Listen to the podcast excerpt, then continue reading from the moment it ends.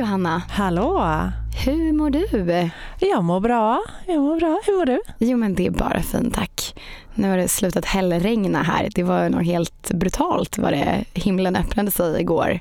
Ja, det är verkligen öste ner. Men jag då som relativt nybliven husägare med trädgård mm -hmm. har ju Mhm. liksom bytt lag här. De- Dels av rent klimat och miljömässiga skäl så inser jag att det måste verkligen regna. Men det blir väldigt tydligt när man har en egen trädgård också att eh, Ja. ja, det måste regna. Tydligt för gräsmattan. Ja, Vi har ju samma sak på Gotland och där är det också bevattningsförbud. Så att man är ju rätt glad om det kan få någon annan slags Ja. nyans som är liksom lite mindre brun bara. Mm. Ja, det har verkligen varit eh, sen i typ början av juni som bara gulbrunt. Ja men helt insane alltså. Men du, det har ju hänt andra saker. Förra veckan när vi såg så pratade vi om att så här, men herregud hur mycket kan hända på en vecka eller en helg. När det var ja, men, Ryssland och Gröna Lund och allting. Men nu har vi uppror i Frankrike. Vi har påve Franciscus som är den senaste raden att sälla sig till ordningen av de som fördömer alla koranbränningar här i Stockholm. Eller i Sverige, fast de är väl rätt koncentrerade här. De har ju varit det.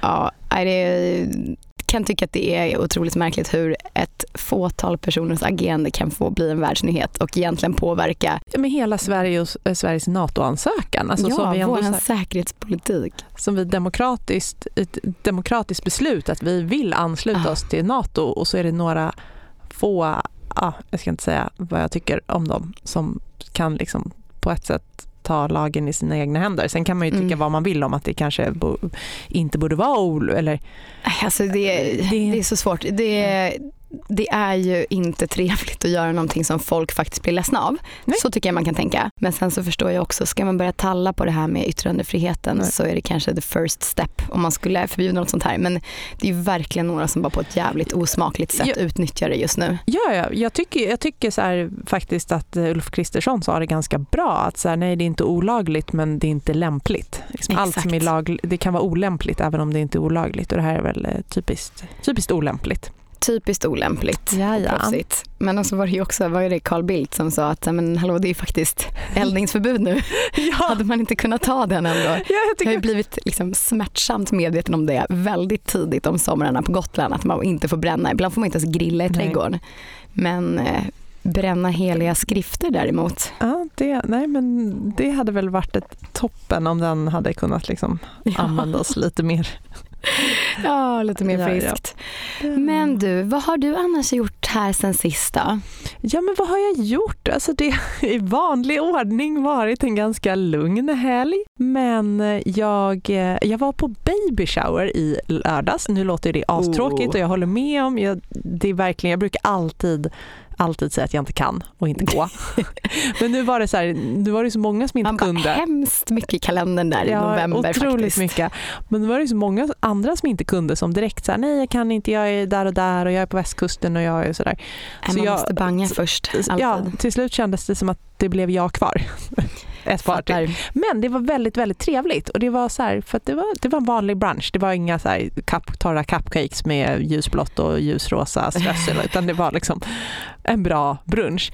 Men det var inte poängen och, och vi var inga blöjtårtor och ingenting. Eh, men det var så här coola kvinnor, alltså så här i, i ens egna ålder. Ja, men kvinnor som, som vi, vi hade ett utbyte rent så här, vad vi arbetade med, vad vi var i karriären vad, och vi fokuserade lite på det och då tänkte jag så här, gud, det här har ju liksom männen, om vi pratar generellt, varit proffs på i alla år. Att ja, men gå en golfrunda och sen så Ja. har man en kontakt där och sen när man ska byta jobb ringer man upp den. Eller, ja, Men exakt, nätverkande. Mm, mm, mm. Ja, och vi kvinnor ska också bli bättre på det här informella nätverkandet. Bara ja, men, knyta kontakter med eh, coola, bra kvinnor. Och det här var lite tjejer Verkligen. som jag har varit på möhippa. Vi har ju uppenbarligen en gemensam vän. Jag har varit på möhippa med dem tidigare och sådär. Men nu tänkte jag så här, nej nu ska jag faktiskt här, lägga till på LinkedIn också eller Facebook och lite sådär. Ja. Faktiskt eh, ja, använda sig av det för jag tror att det är bra. Ja men verkligen, alltid bra att knyta kontakter. Man vet aldrig när det kan behövas Nej. eller vara inspirerande. Och sen så slog ett slag för biologisk mångfald igår. jag, jag åkte längst ut på Ekerö, alltså längst ut på Färingsö, långt bort. Och eh, till en handelsträdgård och så började det ösregna, men det var inte poängen. Jag, min poäng var att jag skulle försöka hitta massa växter till rimliga priser. Jag jobbar på att få en bi, en pollinerarträdgård. Så att de får lite mat, de små, små bina och humlorna och allt vad det är, fjärilarna. Det var fint gjort av dig mm. och tjusigt blir det på köpet. Mm, förhoppningsvis, om det inte torkar ut.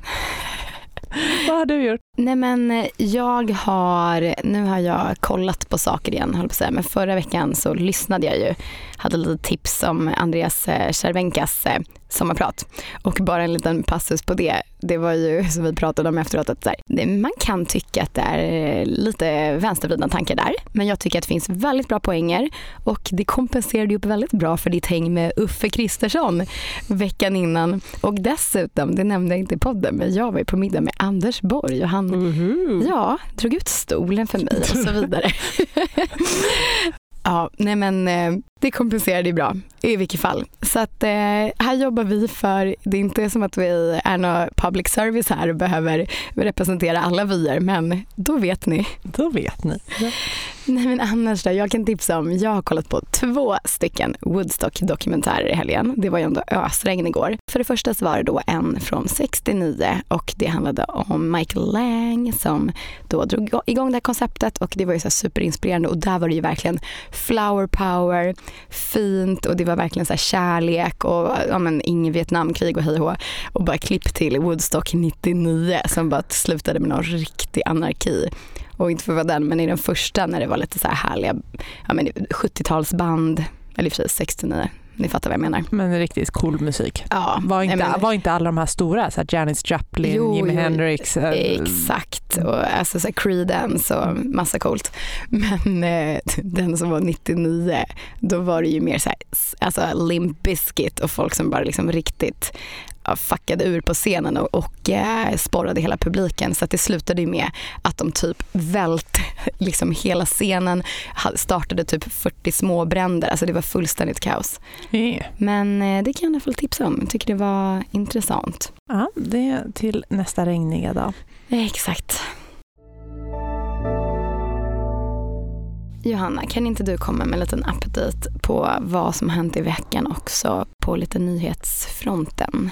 Jo, men idag har det ju då... Ja, dels kan vi börja med helgens sådär skräll som fick Twitternördar som mig att bli lite så här, Det var ju att Elon Musk gick ut med att de la in ah, begränsning på hur många tweets man kan se. Eller först, först kom det så att man måste vara inloggad och ha ett konto på Twitter för att kunna se människors tweets. Det har man inte behövt innan. Man har liksom kunnat googla och se i webbläsaren andra människors twittrande. Mm. Eh, det får man inte längre och sen så la de in en så begränsning på hur många tweets man kan se per dag. Och då var det ju, först kom beskedet att så här, overifierade konton som, som jag, eh, sådana som inte har... Har du ingen blå bock? Jag har ingen blå bock, jag betalar inte för en blå bock. Det kostar typ 8 eh, dollar eh, i månaden tror jag och det gör jag inte. Men att vi skulle kunna se max 600 inlägg per dygn respektive 300 inlägg för nya overifierade konton. Medan verifierade konton då som betalar 115 kronor per månad, där tydligen i kronor, skulle ges möjlighet att läsa högst 6 000 inlägg per dag. Det här blev ju liksom jätteproteststorm och så, så där ändrade sig mask sen och eh, det höj, gränserna höjdes något så att vi kreti och pleti icke-verifierade skulle kunna se tusen inlägg per dag. Men jag vet inte, det kanske går ganska snabbt att se tusen om man ser alla kommentarer och så. Whatever, det blev en stor grej. Nu, läst, nu läste jag att annonsörerna var inte helt nöjda. Alltså det är bolag som betalar dyrt för att annonseras på alltså, Twitter och så kan inte människor se för att man har slagit i taket. Så att, oh, nej. Ja. Alltså jag känner bara, jag hoppas det inte blir några, de här Trumps Truth Social. Ja, nej, vi får Folk väl, går över dit istället. Vi får väl se om det blir så att människor bara, okej, okay, faller till föga och skaffar det där betalabonnemanget eller om det helt enkelt dyker upp något annat. Jag hörde, det rykt, hörde någonting om att Facebook håller på och filar på en egen liknande mm. plattform. Så vi får väl se. Så det var en stor, eh, stor grej här i helgen. Det som är just nu som har liksom verkligen dykt upp på radarn här under måndagen. Det är en liten fortsättning på det här halvledarkriget mellan USA och Kina. Kina de inför nya exportrestriktioner av två sällsynta mineraler som är avgörande i tillverkningen av halvledare rapporterar Bloomberg. Och det ska börja gälla från och med 1 augusti som då kinesisk export reducerar, eh, som Kina reducerar exporten av de här sällsynta jordartsmetallerna gallium och germanium. Uh.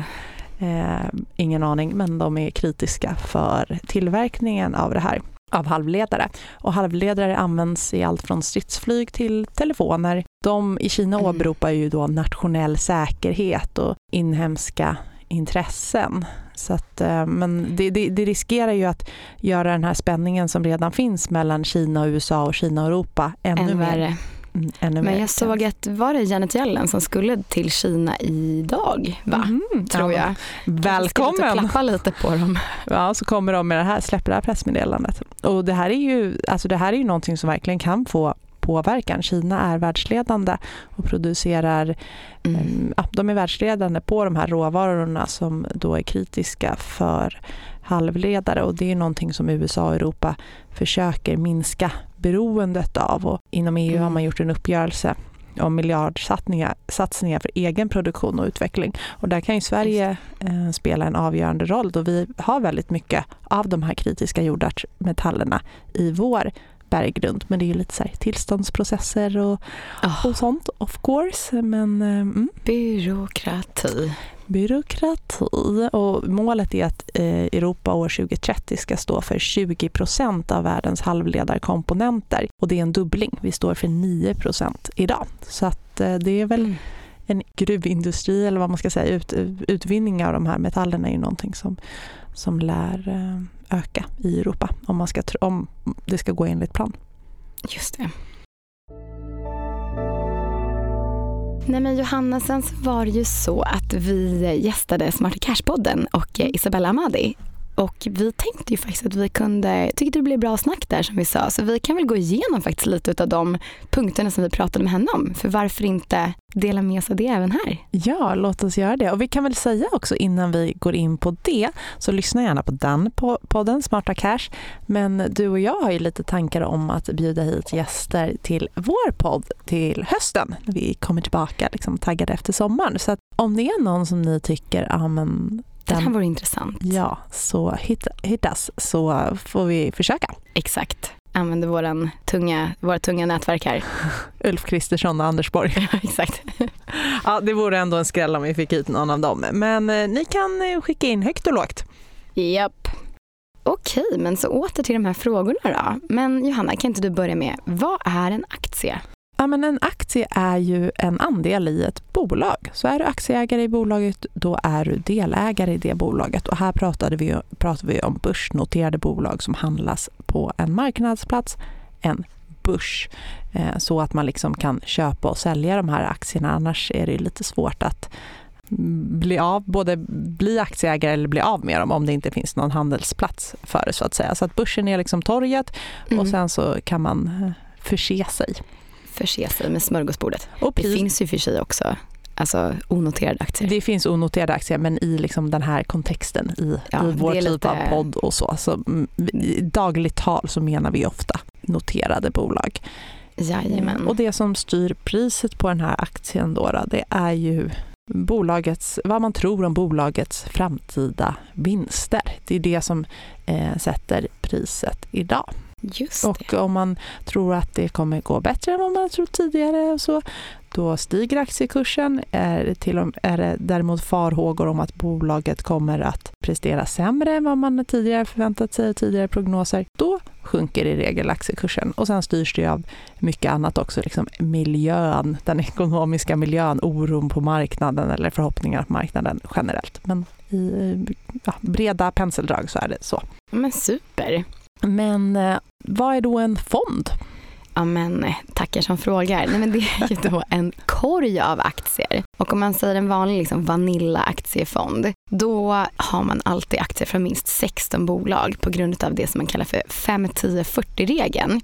Och eh, den här innebär att ingen aktie får utgöra mer än 10% av fondens värde och summan av de fem största innehaven får inte utgöra mer än 40% av fondens portfölj. Och då landar man i att det blir 16 bolag minst. Sen så ska man ju säga att det är väldigt många fonder. Vi brukar ju prata om det klassiska exemplet, en global indexfond som har typ 15-1600 bolag. Så det är ju betydligt fler. Och i och med att man har den här portföljen så har man per default en sjukt bra riskspridning med en fond. Och eh, ja, en fond kan ha olika risknivåer, det vet jag att vi har pratat mycket om, från 1 till 7 då. Och 1 är lägst risk och 7 är högst risk. Det kom lite nya regelverk här från årsskiftet som gör att det är ganska få fonder som har risk 7.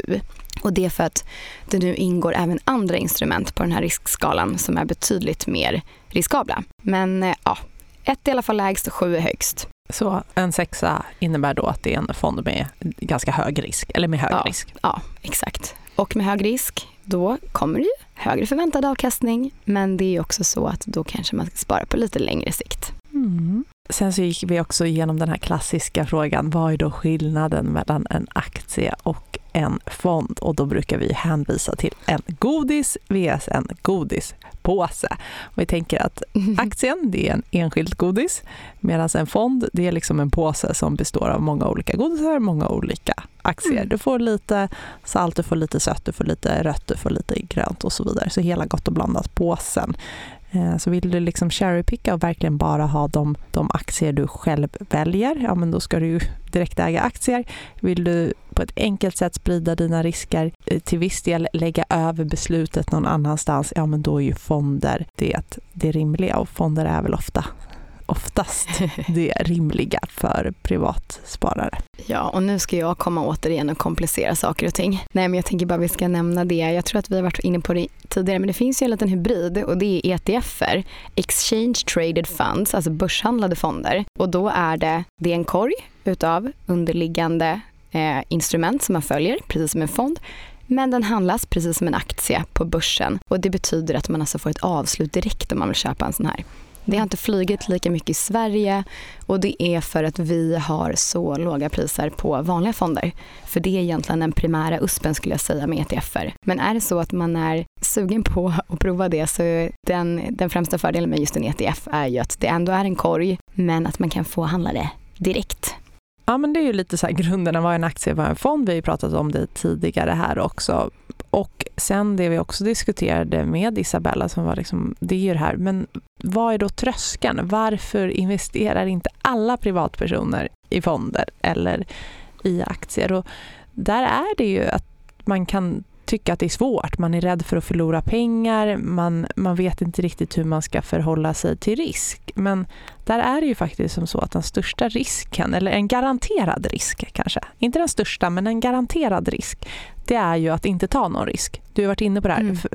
Högre risk ger också högre förväntad avkastning. Så vi måste ju ta någon form av risk för att få en förväntad avkastning att tala om. För att inte bara, om vi med alla våra sparpengar nöjer oss med ett sparkonto som ger 3% i ränta eller något, ja men då blir vi ju garanterade förlorare. Vi har en inflation på, ja nu är den väl nere på 6% men mm. den har varit uppe och touchat 9-10% och nu är den på 6% Våra pengar tappar i värde, framförallt eftersom de är i kronor. Det också. Ja, men, men med det sagt självklart passar bra för det kortsiktiga sparandet där vi inte vill ta någon risk för vi har inte tiden på vår sida, men lite mer långsiktigt och vi har ju det sparandet, då måste vi ta risk för att inte bli garanterade förlorare. Exakt. Men så sparkontot fyller alltså funktion, eh, bland annat för bufferten. Men hur stor buffert ska man ha? Ja, och det är ju unikt. Det måste ju varje person såklart bestämma själv. Men det finns ju, eh, om man ska ha någon slags liten huvudregel, så om man kan så ska man ha en månadslön.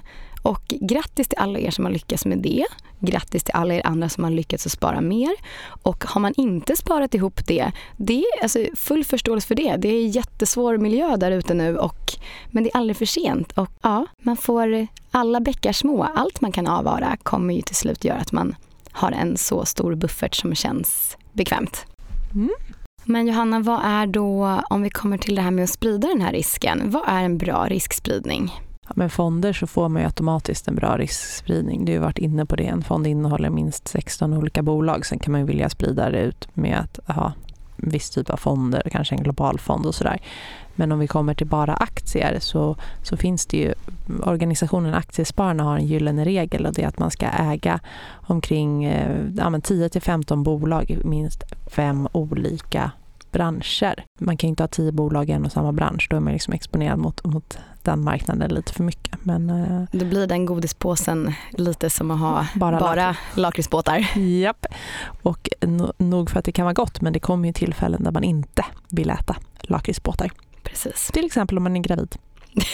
Då får man inte äta lakrits. Ja, eh, men som, som du var inne på, en fond, då får man ju den här riskspridningen automatiskt. Exakt.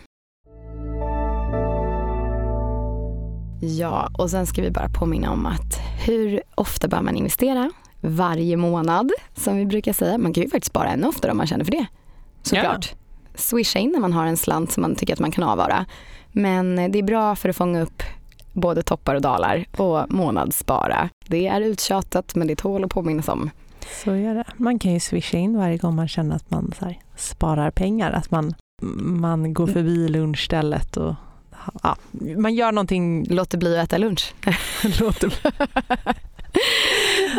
skinny, sk- skinny bitch höll jag på att säga. Men du, Jag tar en sån på lunchen. du tar en skinny bitch.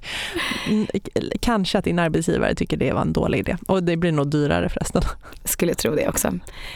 Nej men du tänkte vi kanske kan fortsätta plocka upp några av de här frågorna som eh, ja, är inför nästa vecka. Och eh, som alltid, hör av er till oss på Alfa Honor om det är någonting särskilt ni undrar om eller om ni har tips. Ja, och gäster. Exakt, superbra. Ja men då, eh, Men, vi hörs nästa vecka Johanna och tack för idag och tack alla ni som lyssnar. Tack så mycket för att gå ut i sommarkvällen. Ja, i den regniga sommarkvällen. Ja. Ha det gott! Ha det bra, hej då!